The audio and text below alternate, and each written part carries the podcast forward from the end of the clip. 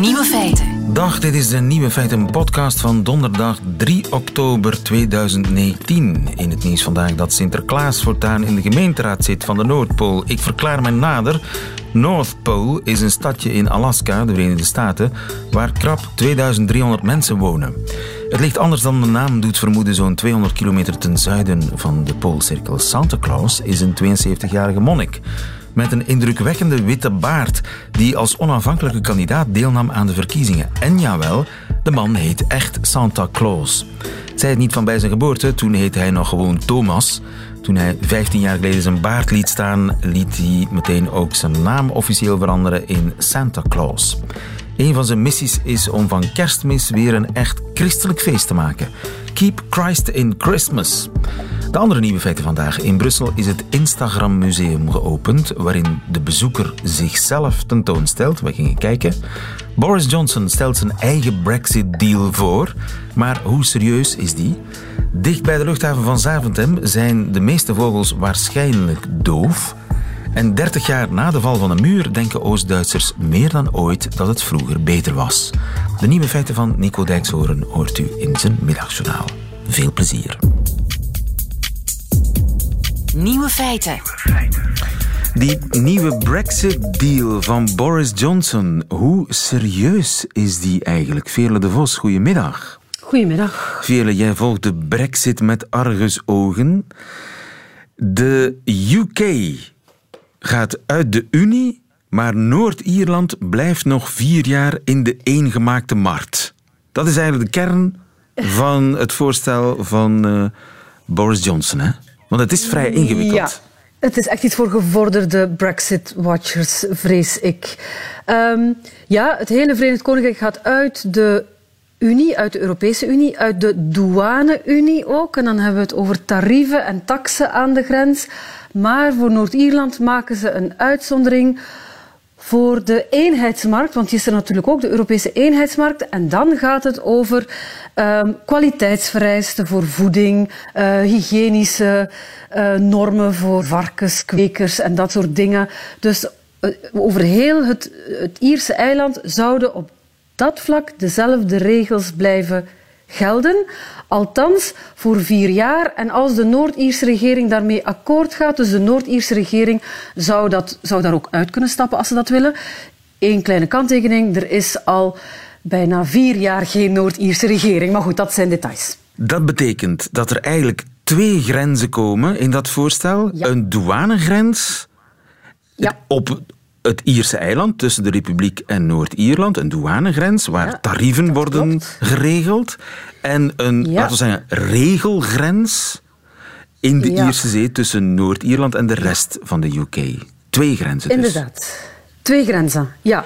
En, En- dat op zijn minst voor vier jaar. Op, Ja. op zijn minst voor vier jaar. En na die vier jaar kunnen de Noord-Ieren kiezen of ze die toestand ze- willen behouden, dan Ja, wel of- dichter bij de UK Ja. aansluiten en dan verhardt de grens met de Republiek. Dan verhardt de grens helemaal. Ja. En die douanegrens, die wordt onzichtbaar. Eh, kleine kanttekening. Boris Johnson beweert dat die, premier Johnson beweert dat die grens onzichtbaar wordt. Maar ja, hoe ga je een buitengrens van de Europese Unie helemaal onzichtbaar maken? Daar heeft eigenlijk niemand een oplossing voor. Dus hij is gewoon heel erg optimistisch. En hij denkt dus dat je douanefaciliteiten en het klaren van goederen, dat ze dat in Ierland gaan kunnen regelen op een volledig onzichtbare manier. Dus met technologie die nog in ontwikkeling is. Dus dat is, laat ons zeggen, de optimistische kant van zijn voorstel. En die technologie, zal die aan de grens eh, worden geïnstalleerd of eh, weg van de Eh, grens? Dus hij, hij zegt nu, eh, dus op, termijn is er een soort techno, komt er een technologie waardoor ja, met automatische camera's en, en, en, en sensoren eh, al die douanefaciliteiten kunnen gebeuren, maar die is er nu nog niet. Dus moet hij wel toegeven dat er voorlopig, zolang die technologie er nog niet is, wel een soort ja, douanechecks zullen moeten gebeuren. Maar, zegt hij, we gaan dat niet op de grens doen.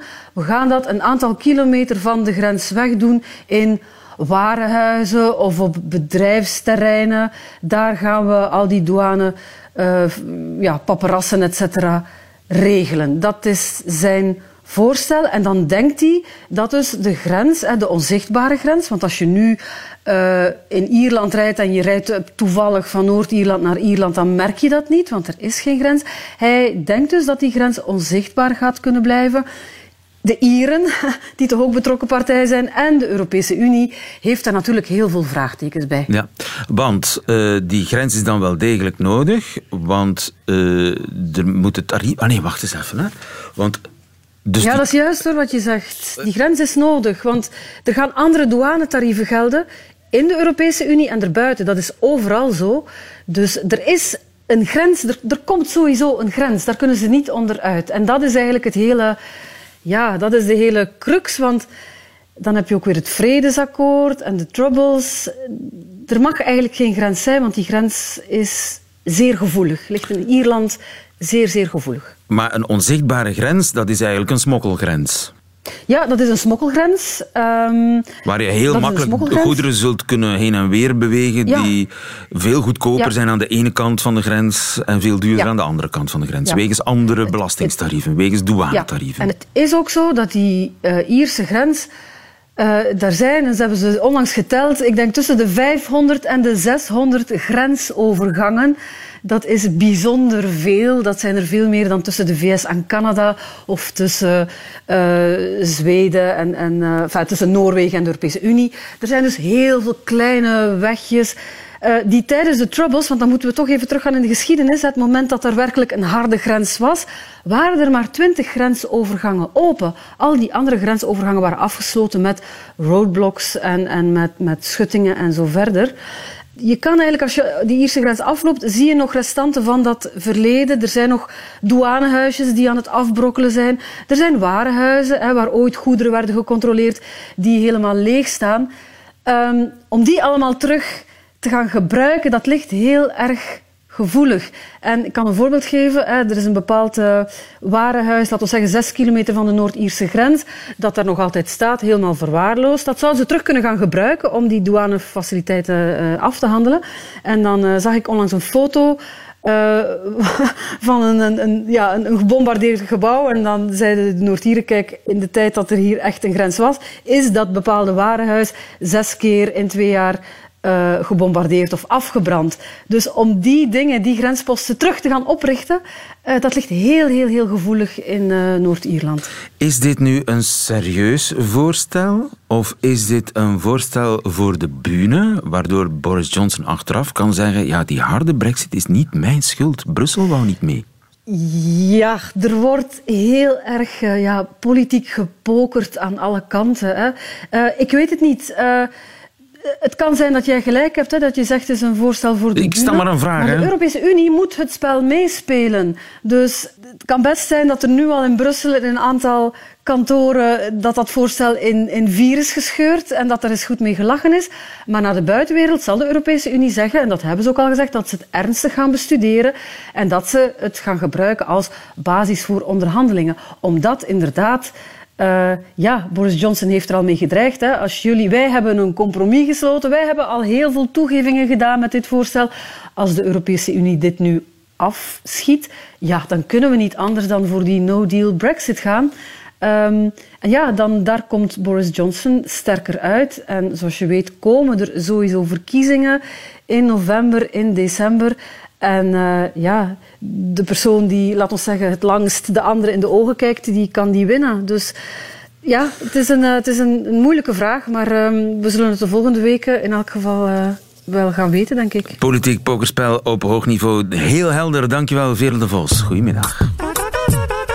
Nieuwe feiten. Er is iets mis met de vogels in Zaventem. Ook met deze op het eerste gehoor gezonde chifchafs. Waarschijnlijk zijn ze doof en dat komt wellicht hierdoor.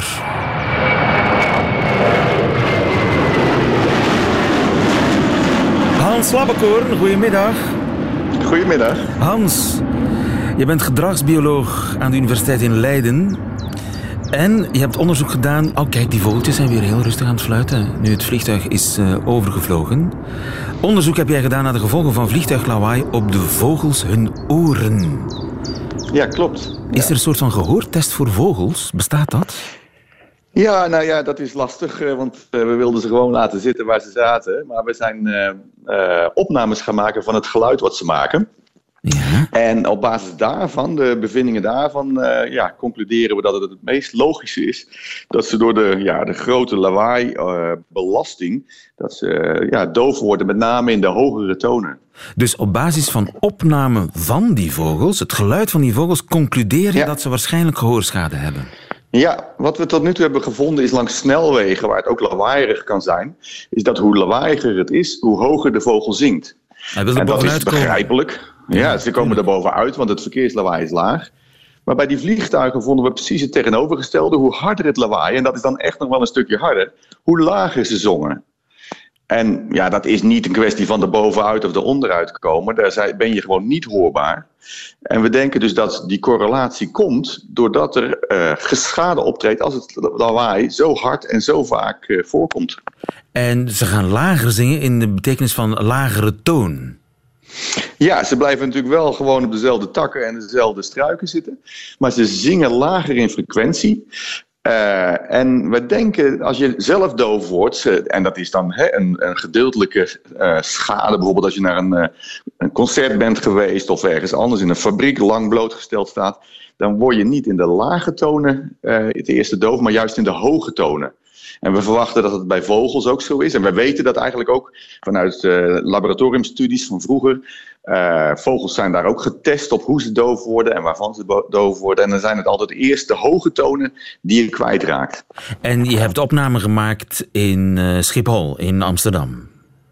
Ja, samen met mensen uit Manchester hebben zij opnames gemaakt bij het vliegveld van Manchester. En wij hebben opnames gemaakt bij het vliegveld uh, Schiphol. En zodat je niet op één locatie afgaat, maar dat je toch een replicatie hebt in uh, een groep vogels. die ook onafhankelijk is aan iedere kant van, van de Noordzee, zeg maar. En die resultaten waren volledig vergelijkbaar. Dus als je aan het vliegveld hier in Brussel, Zaventem, zou opname maken, dan zou je wellicht hetzelfde resultaat bereiken?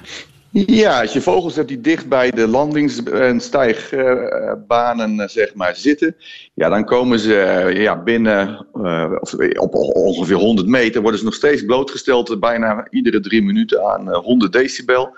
Ja, en dat zijn ook niveaus waar, ja, waar je als mens en vogel dus gedeeltelijk doof van raakt.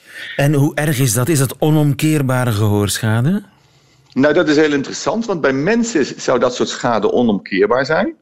Maar we hebben juist die interesse in vogels, uh, want die haarcellen die uh, verantwoordelijk zijn voor het gehoor, die kunnen beschadigen bij vogels, maar die herstellen weer in nou ja, dagen, weken uh, nadat zo'n schade heeft, is opgetreden. Als er niet opnieuw natuurlijk blootstelling plaatsvindt. Ja, want je vraagt je ook af waarom zo'n vogel daar blijft zitten. Hè? Mocht ik een chifchaf zijn, uh, ik zou elders Ja, het is, een, uh, het is niet een gunstige plek. Nee. Ja, het, het zal slecht voor de, uh, voor de reproductie zijn en waarschijnlijk voelen ze zich ook niet fijn. Maar het is niet makkelijk om een territorium te pakken te krijgen voor een vogel. En ik denk dat dat de reden is waarom ze toch blijven. En uh, het zou uh, een uh, mogelijkheid zijn om gehoorschade ook bij mensen beter te behandelen als we weten hoe het werkt bij vogels. Dat is wel het idee geweest als we weten hoe die haarcellen herstellen bij vogels, dat dat misschien ook inzichten zou geven in hoe we bij mensen zoiets zouden kunnen doen. Maar uh, daar is nog niet heel veel progressie in. Voor nu weten we alleen dat vogels die voortdurend langs het vliegveld uh, wonen, dat die waarschijnlijk blijvende gehoorschade door de voortdurende blootstelling hebben. Maar trekvogels die zouden best wel eens als ze naar de in de winter naar het zuiden trekken, dan weer kunnen herstellen. En dan opnieuw in het voorjaar weer opnieuw schade kunnen oplopen. Ja, dus kennelijk zo erg is het niet. Nou ja, dat, dat, is een, dat is een andere vraag. Want ik denk dat die vogels die zitten bij het vliegveld en die zullen waarschijnlijk welzijnsproblemen hebben. En ook misschien minder reproduceren. Nou ja, dat is, hè, of het erg is, dat is misschien meer een politieke beslissing over. Nou, vinden wij het erg dat het welzijn aange daan is voor deze vogels. En uh, nou, Tjiftjaf is natuurlijk niet uh, een, uh, een, hele zeldzame soort, maar in andere gevallen kun je natuurlijk wel zeldzame populaties hebben. En als die dit soort schade ondervinden, dan kan het ook voor, voor een soort of voor een soort in een bepaald gebied van belang zijn. En dat, ja, dat is een lokaal iedere keer weer opnieuw een afweging. Hartelijk dank, Hans Slabbekoren. Goedemiddag. Graag gedaan. London and calling. Radio Barcelona, señores y caballeros. Achtung, Achtung! Hier ist Berlin, Königs Wusterhausen. Wir senden Tanzmusik. Een flink deel van de Oost-Duitsers, zeg maar bijna 60 procent, voelt zich vandaag niet beter beschermd tegen willekeur van de staat dan voor de val van de muur. De val van de muur, bijna 30 jaar geleden. Omstreeks middernacht gebeurde wat in de vooravond niemand echt had durven of kunnen geloven. Mensen tegen de muur, mensen vrij door alle grensposten heen, mensen bovenop de muur. In West-Berlijn werden de oostelijke stadgenoten op champagne en gejuich onthaald.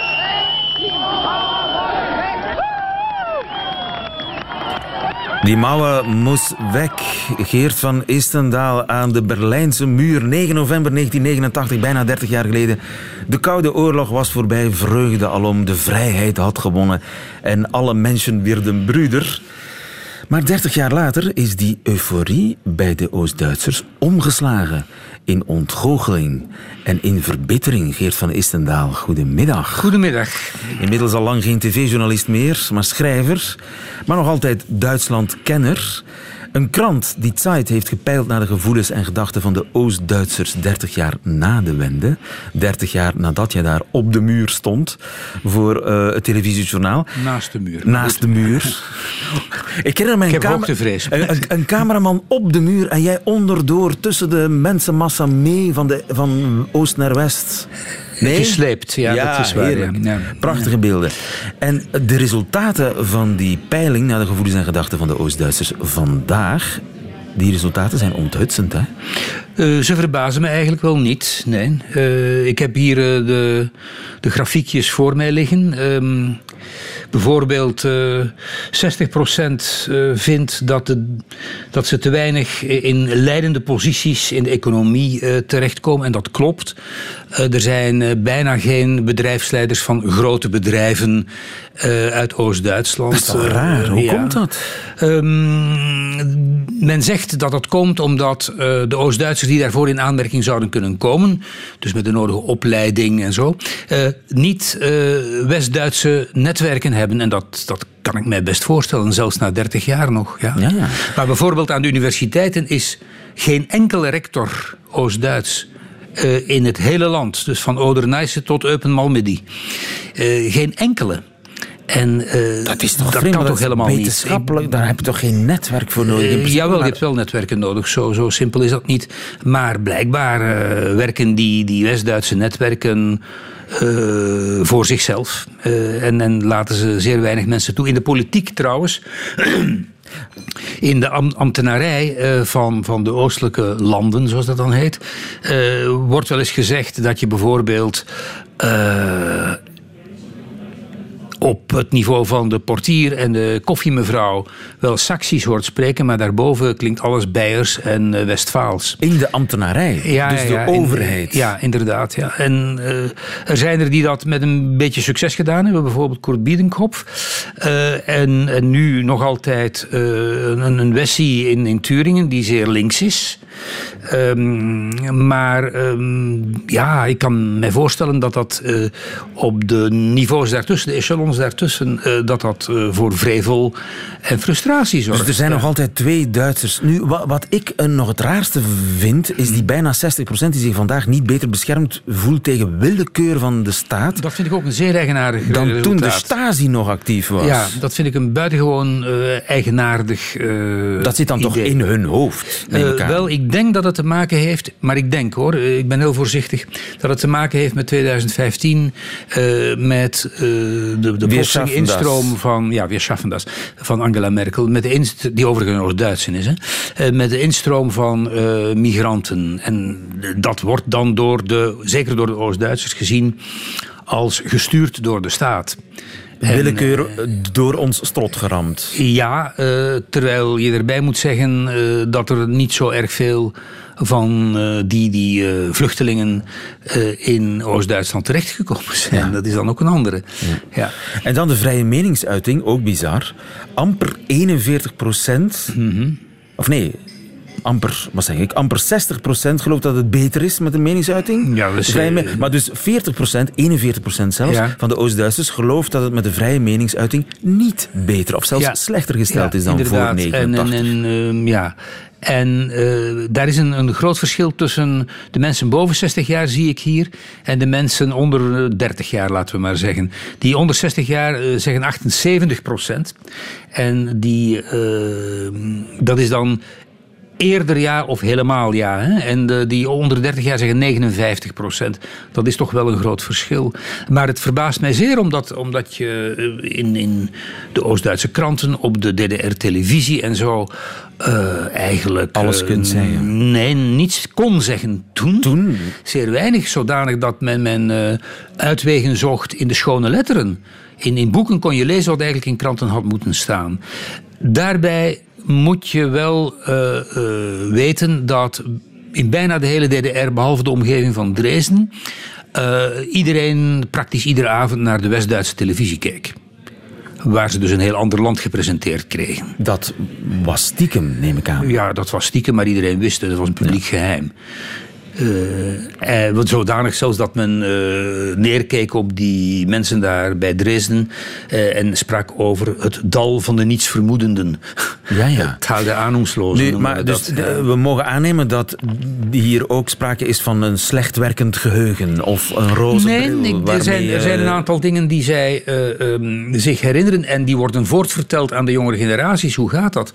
Eh, ouders, kinderen, grootouders, kleinkinderen. Bijvoorbeeld, eh, dit is niet systematisch wat ik hier ga zeggen, maar eh, de laatste 30 jaar kom ik er wel vaker. En eh, ik vraag dat aan iedereen in café, in de trein, op straat. aan ossies dus, aan, aan mensen die vandaar zijn. of ze het slechter vinden. Nee. Ze vinden het niet slechter trouwens. Dat komt ook wel uit die, die, die grafiekjes hier. Ja, ja, het gaat niet over levensstandaard is beter en zo. economische. Maar er is één ding waar ik nog nooit, maar echt nog nooit, geen enkele uitzondering in mijn onsystematische onderzoek eh, een, een, een, een, ander antwoord heb gekregen. Ze vinden allemaal dat het vroeger beter was eh, met de werkgelegenheid. Omdat zij in de DDR misschien eh, eh, in, in, in kapotte fabrieken werken, maar ze werkten allemaal en ze hadden allemaal een of ander loon. Ja, vroeger was het beter en dat heeft niks te maken met nostalgie. Dat is ook echt. Dat was ook, Dat, was is ook zo, echt. ja. Eh, eh, stel je voor dat je dus een, een, een, een land hebt waar men geen werkloosheid meer kent. Of gekend heeft gedurende 40 jaar. En dan slaat ineens die werkloosheid massaal toe. Echt massaal. Hè? Eh, want de Trooihand die, die heeft echt honderden en honderden en honderden bedrijven gesloten. En de mensen stonden op straat en ze kenden dat niet. En ik neem aan dat dat voor een zeer diepe, ook na 30 jaar nog naspeurbare eh, eh, angst zorgt en frustratie. Heeft de Ja. politiek hier een antwoord op?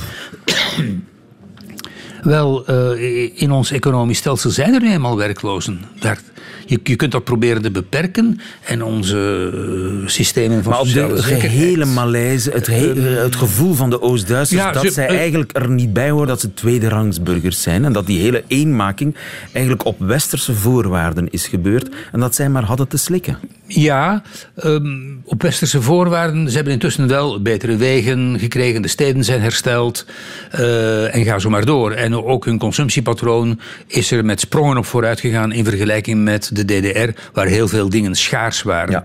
Dat. Eh, bovendien is de bondskanselier een Oost-Duitse. Al, al jaren.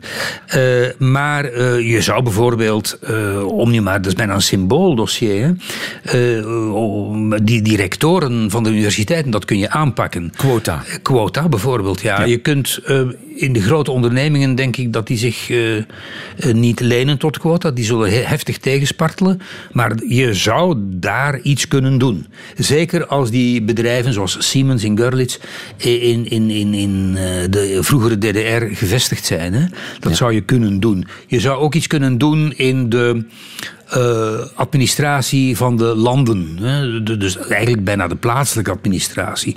Eh, dat zou je kunnen doen. Minimum zoveel Oost-Duitsers. Ja, bijvoorbeeld, ja. Maar. ehm, en, en de AFD is daar inderdaad, eh, de, die linken ook hoor, dus links en rechtsextreem, eh, zijn daar, proberen daar een antwoord op te formuleren. formuleren. Maar behalve Turingen en Berlijn en misschien Brandenburg, als ik me niet vergis, hebben bijvoorbeeld extreem linkse nog nooit meegeregeerd. Ja, ja. Maar dus die hele malaise eh, vertaalt zich politiek natuurlijk in het succes van de extreme partijen, zowel die linken als AFD. Ja, en het verschijnsel dat je nu gezien hebt met de laatste, jongste twee uh, landsverkiezingen is dat die linker zware klappen krijgt en de AFD omhoog schiet.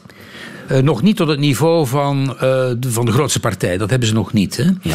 Maar uh, het is toch wel zeer zorgwekkend. zorgwekkend ja, omdat de AFD natuurlijk ook geen antwoorden heeft. 3 oktober vandaag, 29 jaar geleden, werd Duitsland één. Ja.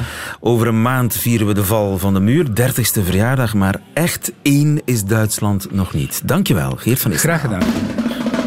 Radio 1.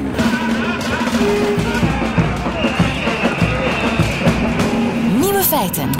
Gisteren is in Brussel een gloednieuw museum geopend. Een Instagram-museum.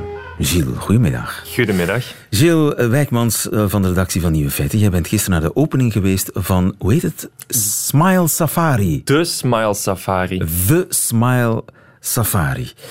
En uh, een Instagram-museum is dat. Hoe moet ik me dat voorstellen? Wel, normaal gaat je naar een museum om naar andere dingen te kijken. Dus je gaat voor de kunst of voor oude reliquieën uit de geschiedenis. Er wordt iets tentoongesteld. Voilà. Alleen zijt jij het die wordt tentoongesteld in de Smile Safari. Dus je gaat naar het Instagram Museum niet om naar kunst te kijken, maar om naar jezelf te Wel, kijken. Inderdaad, maar ik zal anders eerst Hans Koedenis, de organisator, het laten uitleggen. De bedoeling is hier eigenlijk om gewoon leuke foto's te nemen. We hebben hier 2000 vierkante meter volgezet met leuke soort van attracties die eigenlijk zeer goed ja, dienen als achtergrond om een mooie foto van jezelf te maken.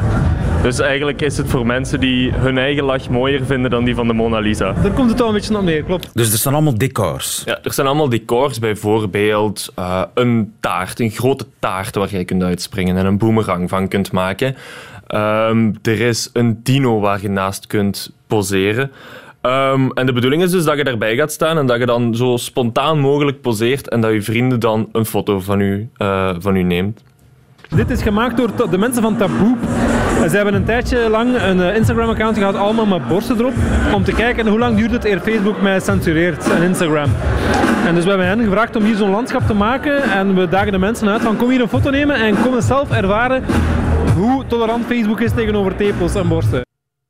Ah, wel, dus dit was één van de achtergronden. Het was eigenlijk een woestijnlandschap, maar dan in een plaats van zandheuvels waren het borsten. Borsten die de heuvels moesten voorstellen. En dan inderdaad om hè, hashtag free the nipple de censuur van Instagram en Facebook op vrouwentepels aan te klagen. En dus kon je poseren tussen de tepels. Maar um, het paste eigenlijk bij het idee dat wij hebben van Instagram. Hè, de mooie reisfoto's, de idyllische landschappen. Alleen is dat natuurlijk heel slecht voor het milieu. En daar heeft Hannes natuurlijk dan ook over nagedacht. In Amerika is er een canyon, de Antelope Canyon, en die wordt gewoon platgelopen door Instagram-toeristen, waardoor dat het water van het nabije gelegen dorpje eigenlijk vervuild wordt. En we dachten van, misschien moeten we dat gewoon nabouwen, kunnen de mensen hier die foto nemen en moeten ze niet meer de wereld afreizen om zo'n foto's te gaan nemen. Dus er zit, er zit een beetje een idee achter. Het is dus eigenlijk, als ik het zo hoor, bedoeld voor de milieubewuste millennial. Dat zou ik denken, maar het is een Instagram-museum en Instagram dient natuurlijk maar voor één ding. Hoeveel volgers heb je? Veel te weinig. En dat is? Een 1600 of zo. Wat doe je dan hier? Hoopt je dan het aantal volgers een beetje te verhogen door hier te komen? Ik zeg altijd, elke post die ik doe is om mijn Instagram-volgers te verwinnen. Mensen komen dus om hun aantal volgers te verhogen. Nu, lieve, ik ben de jongste van de nieuwe feitenredactie. Ik ben, uh, zoals je mij noemt, millennial nummer 2. ik heb dus ook nood aan af en toe bevestiging. En ik dacht van, oké, okay, ik ben hier in een Instagram-museum. Het loopt hier vol met influencers. Misschien moet ik eens advies gaan vragen. En ik ben dan bijvoorbeeld Elodie Gabias tegengekomen. Dat is een West-Vlaams meisje. Die heeft 72.000 volgers op Instagram. Wow.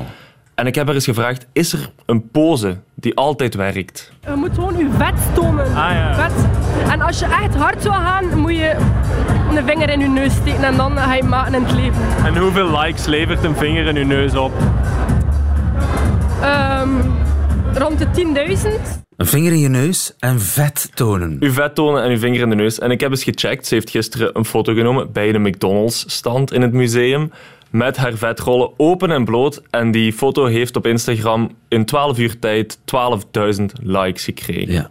Uh, de influencers die vonden het kennelijk uh, geweldig. Die vonden het fantastisch. Ay, de meeste toch. Ze vonden het heel leuk. Het is natuurlijk iets wat je niet iedere dag ziet. Het is het eerste museum, Instagram museum in België. In Amerika heb je er al veel meer. Um, maar het is ook een leuk concept. Um, alleen was niet iedereen zo enthousiast. Nee, ik zou niet terugkomen omdat het gewoon na één keer wel heb gezien. Het zijn geen Picasso-werken ook hè? Het zijn geen Picasso's, inderdaad. Dat is de hele, het hele punt, dacht ik. Dat is het hele Je bent zelf de Picasso. Voilà, inderdaad. Al waren er natuurlijk wel achtergronden gemaakt door kunstenaars. En ik moet zeggen, de achtergronden zagen er super mooi uit. Het was heel professioneel in elkaar gestoken. De sfeer zat goed. Er was goede muziek, er was gratis eten, er was drank. Alles wat een millennial zich maar, kan, uh, maar kan wensen. Het is eigenlijk een museum voor de ijdelheid, hè? Het is een museum voor de ijdelheid. En Lieve Trio, onze filmrecensent, die vroeg zich daar ook op Instagram af. Die was daar ook? Die was daar. En hij vroeg zich eigenlijk af van ja, is dit nu een, hyper, een hypercoole kunstinstallatie die onze ijdelheid vandaag de dag in vraag stelt? Of is het net sluw kapitalisme? En als je weet dat er een Audi-stand was, als je weet dat er een Sprite-stand was, een McDonald's-stand en dat een inkomticket vanaf vandaag u 20 euro gaat kosten. Wat? 20 euro? Dankjewel. Dan heb je uw antwoord Dankjewel, Gilles Wijkmans.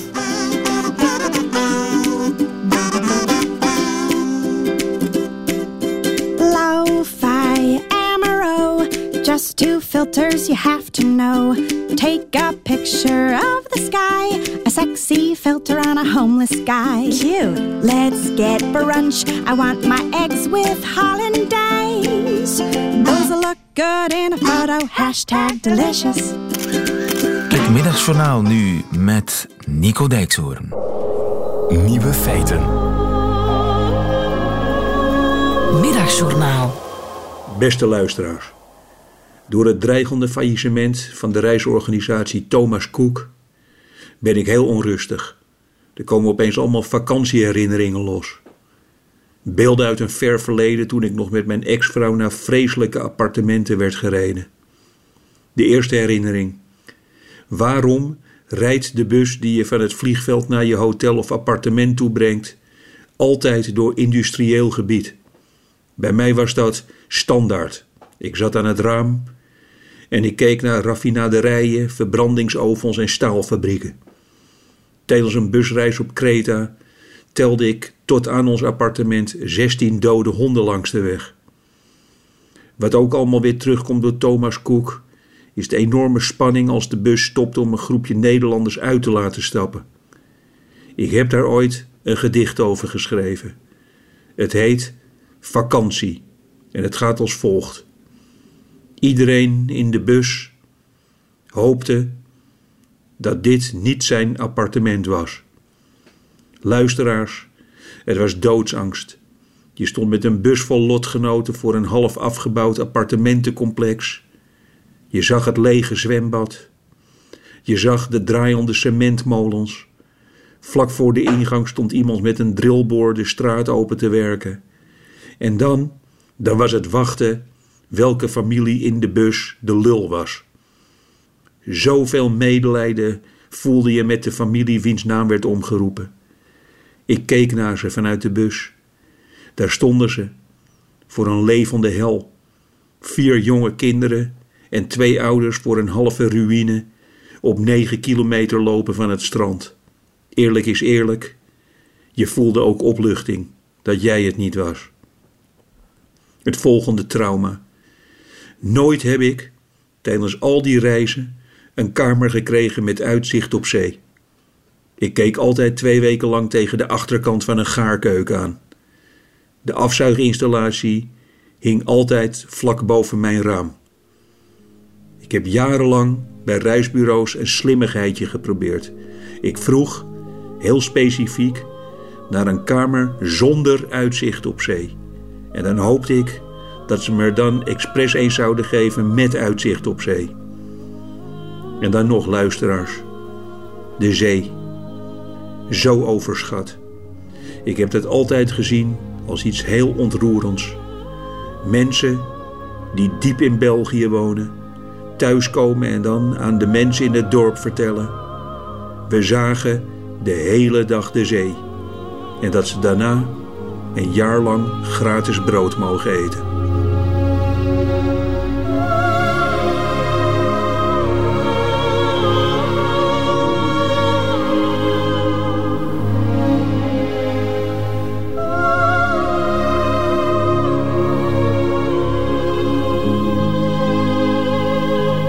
Middagjournaal van Nico Dijkshoorn. Einde van deze podcast, maar u vindt er nog veel meer op bijvoorbeeld Spotify of andere podcastkanalen en uiteraard ook op onze app en op onze website. Wilt u de gehele uitzending horen met de muziek erbij, dan kan dat natuurlijk ook via de app. Tot een volgende keer.